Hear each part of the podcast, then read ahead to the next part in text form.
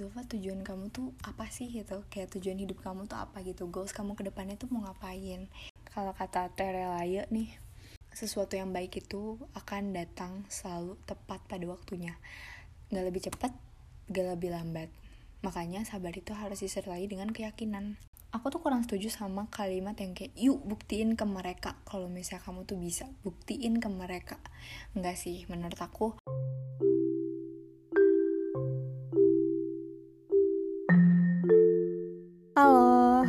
selamat pagi, selamat siang, selamat malam, atau kapan pun kalian dengerin podcast ini. Hai, kenalin nama aku Zulfa, selamat datang di podcast Jalan Marga Cinta di segmen Reminder.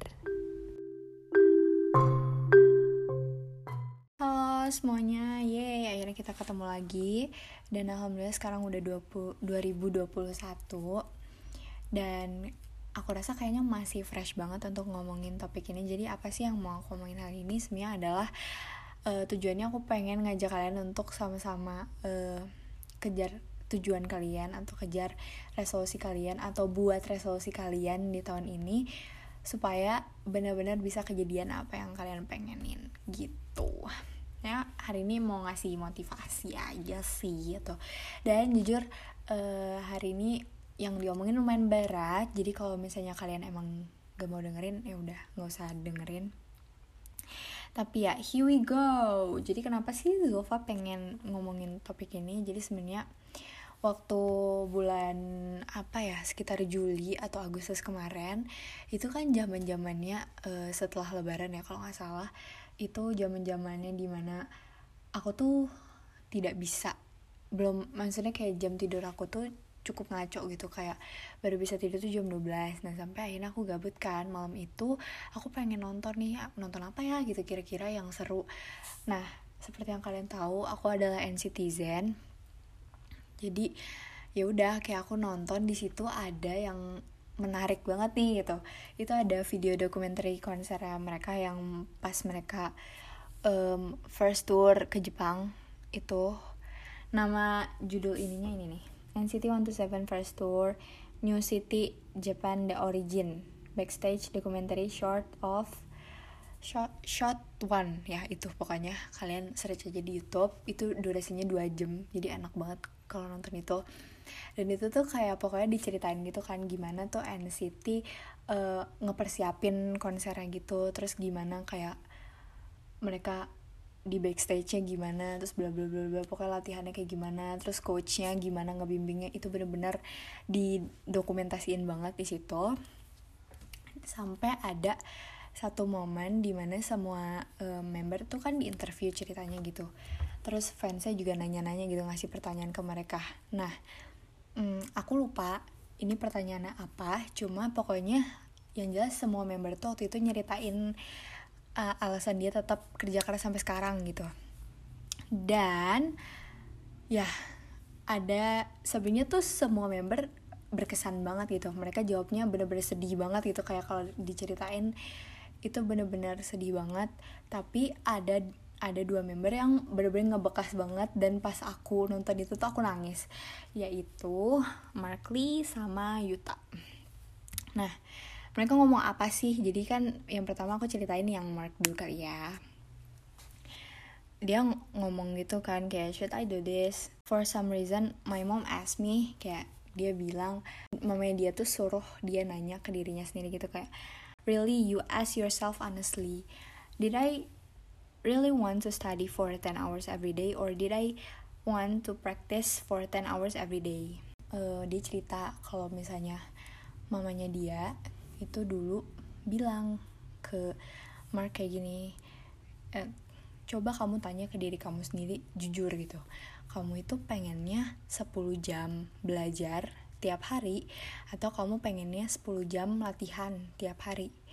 Dan jawabannya Mark adalah and I honestly relieve that.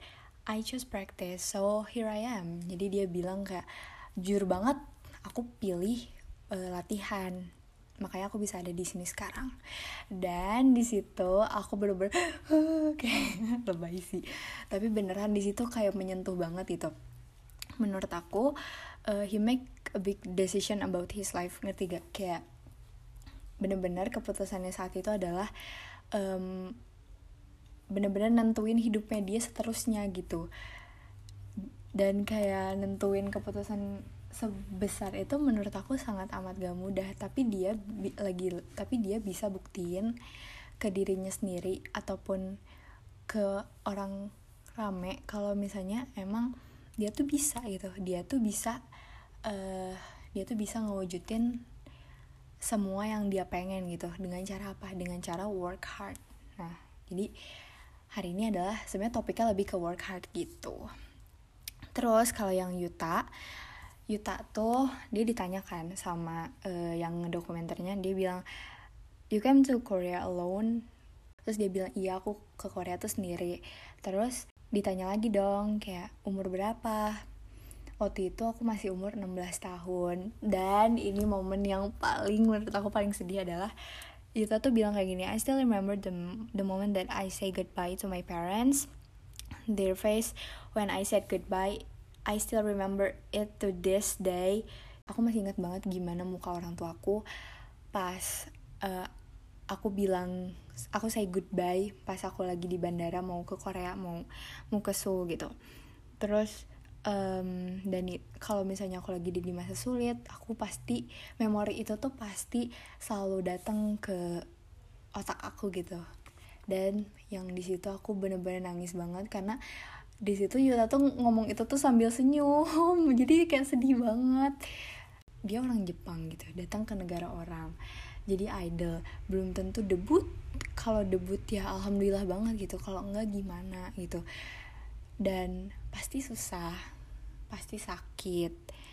Pasti gak gampang. Tapi lagi-lagi dia bisa buktiin ke diri dia sendiri dan orang lain kalau misalnya dia tuh bisa sukses dengan kerja keras tadi. Makanya itu the reason kenapa aku pengen um, ngomongin topik ini gitu.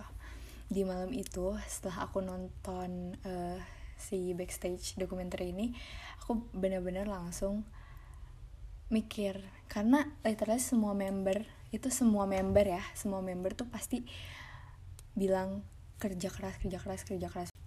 Jadi di malam itu tuh aku bener-bener mikir kayak aduh Zova tujuan kamu tuh apa sih? Gitu. Kayak tujuan hidup kamu tuh apa gitu? Goals kamu ke depannya tuh mau ngapain? Kamu nggak sadar ya orang lain mungkin di luar sana udah ada yang berjuang sedikit-sedikit untuk um, raih tujuan hidup dia gitu raih eh, cita-cita dia. Sampai akhirnya aku bingung dong mau ngapain.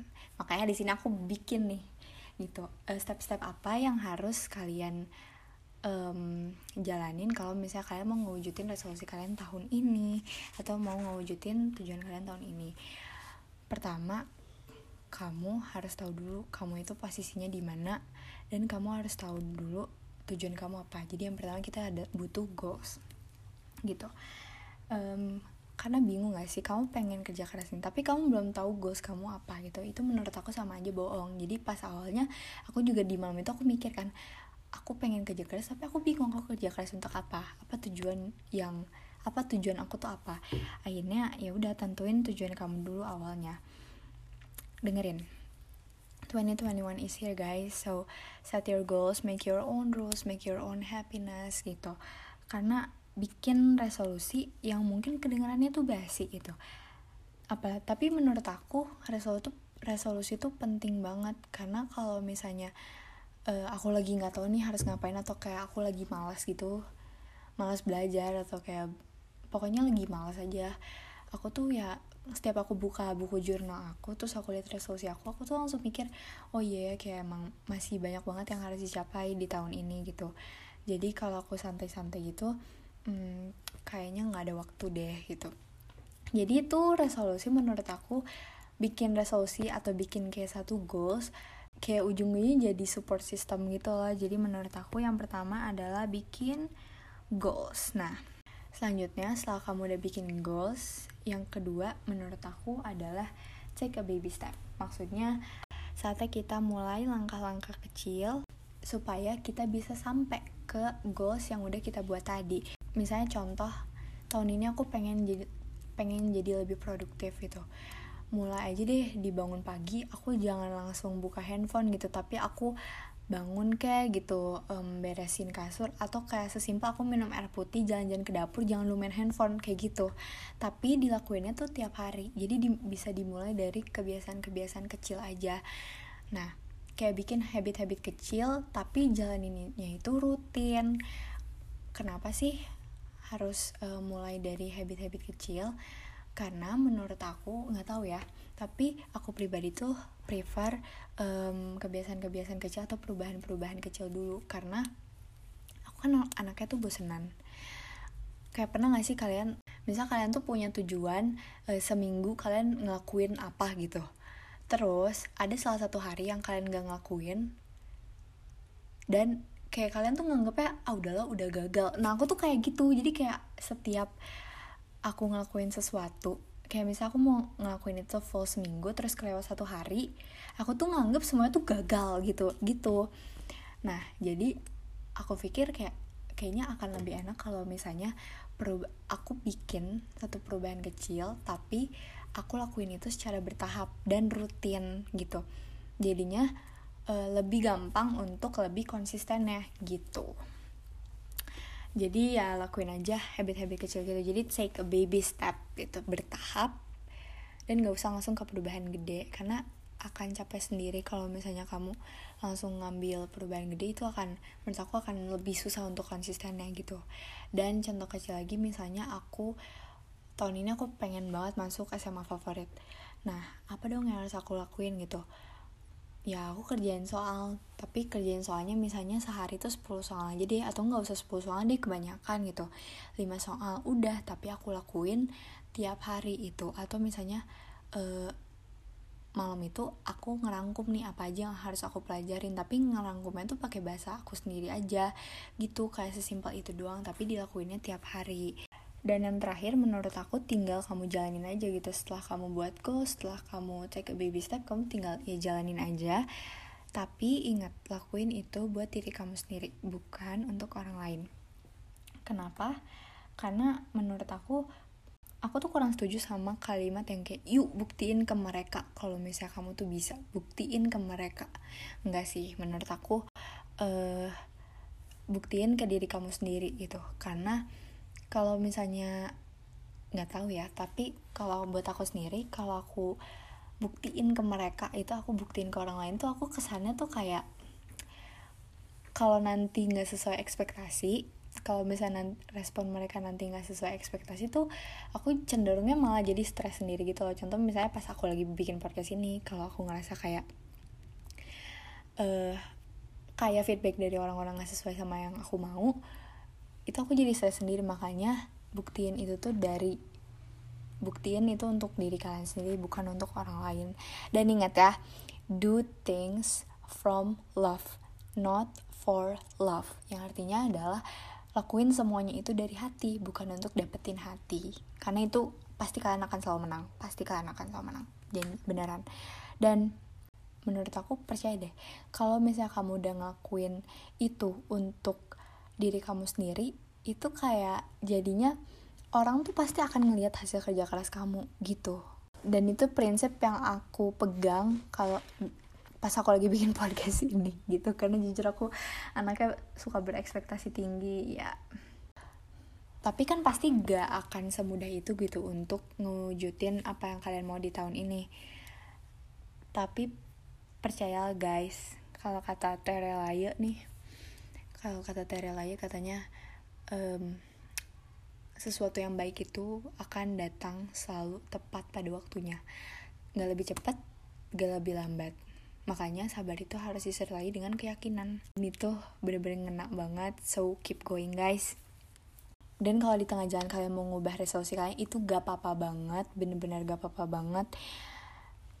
Dan selalu ingat setiap orang tuh punya waktunya masing-masing. Setiap orang itu punya garis finishnya masing-masing. Dan ingat uh, ini tuh bukan kompetisi jadi santai aja. Kalau misalnya kata Markley in my own pace following my own rhythm. Artinya kayak di jalan aku ngikutin ritme hidup aku gitu. Dan uh, kalau misalnya di tengah jalan kalian jatuh itu nggak apa-apa nggak apa-apa banget untuk kalian ngerasa sedih tapi ini yang selalu aku pegang. Dan ini ada kata-kata yang dari Wattpad yang aku suka banget. Aku kan suka baca Wattpad terus ada Wattpad yang aku suka banget dan aku mau highlight kata-kata yang nyambung sama topik ini. Jadi Wattpad yang aku suka banget itu Primum Nonoser kayaknya kalau best friend aku kalau dengar aku ngebahas topik ngebahas Wattpad ini udah bosen banget sih. Tapi pokoknya di sini itu bilang kalian tau bambu? Bambu itu kan tanaman yang fleksibel banget ya maksudnya rantingnya itu kuat tapi bener-bener fleksibel banget. Kalau kena angin itu dia bisa bengkok bahkan sampai nyentuh tanah gitu. Tapi bambu tuh nggak pernah patah yang artinya juga sama. Kalau misalnya nanti kamu ngadepin sesuatu yang sulit um, ibaratnya to your lowest and breaking point gitu bounce back maksudnya tuh kayak bambu gitu. Bengkok tapi nggak patah gitu. Cepat pulih cepat pede lagi. Walaupun kamu sebenarnya cuma pengen nyerah aja deh rasanya gitu. Tapi inget bambu ini dia tuh bengkok tapi nggak pernah biarin dirinya patah. Jadi kalau kamu jatuh jangan nyerah ya. Terus kalau kalian mau bilang jujur ini berat banget sih gila bahasannya berat banget. Cuma ya ya udah nggak apa-apa ya. Sekali-kali aku bahas yang kayak gini um, kamu mah enak sih ngomong doang tapi dilakuinnya susah. Iya emang emang susah. Tapi it won't be easy. I know but it will be worth it guys. Dan um, aku pengen bilang aja untuk semua orang yang udah kerja keras di tahun 2020 kalian harus bener-bener harus ngasih diri kalian pelukan yang besar pelukan yang kuat karena kalian tetap standing kalian tetap kuat kalian hebat kita semua hebat. I just want to remind you guys ain't no second change this year so I hope you know what you're doing. Dan jangan lupa sertakan Allah di setiap apa yang kalian lakuin saat ini. Dan aku baru belajar kemarin itu di PAI itu setelah kalian udah ikhtiar tawakal itu adalah step terakhir gitu. Jadi setelah kalian udah ngelakuin semuanya kalian udah berusaha tinggal kalian pasrah supaya serahin semuanya sama Allah supaya kalian bisa ngewujudin mimpi kalian. Amin. Dan untuk teman-teman kelas 9 teman-teman seperjuangan aku kelas 9 aku berdoa banget semoga tahun ini kalian dan kita bisa sama-sama masuk ke SMA yang kalian pengen. Amin.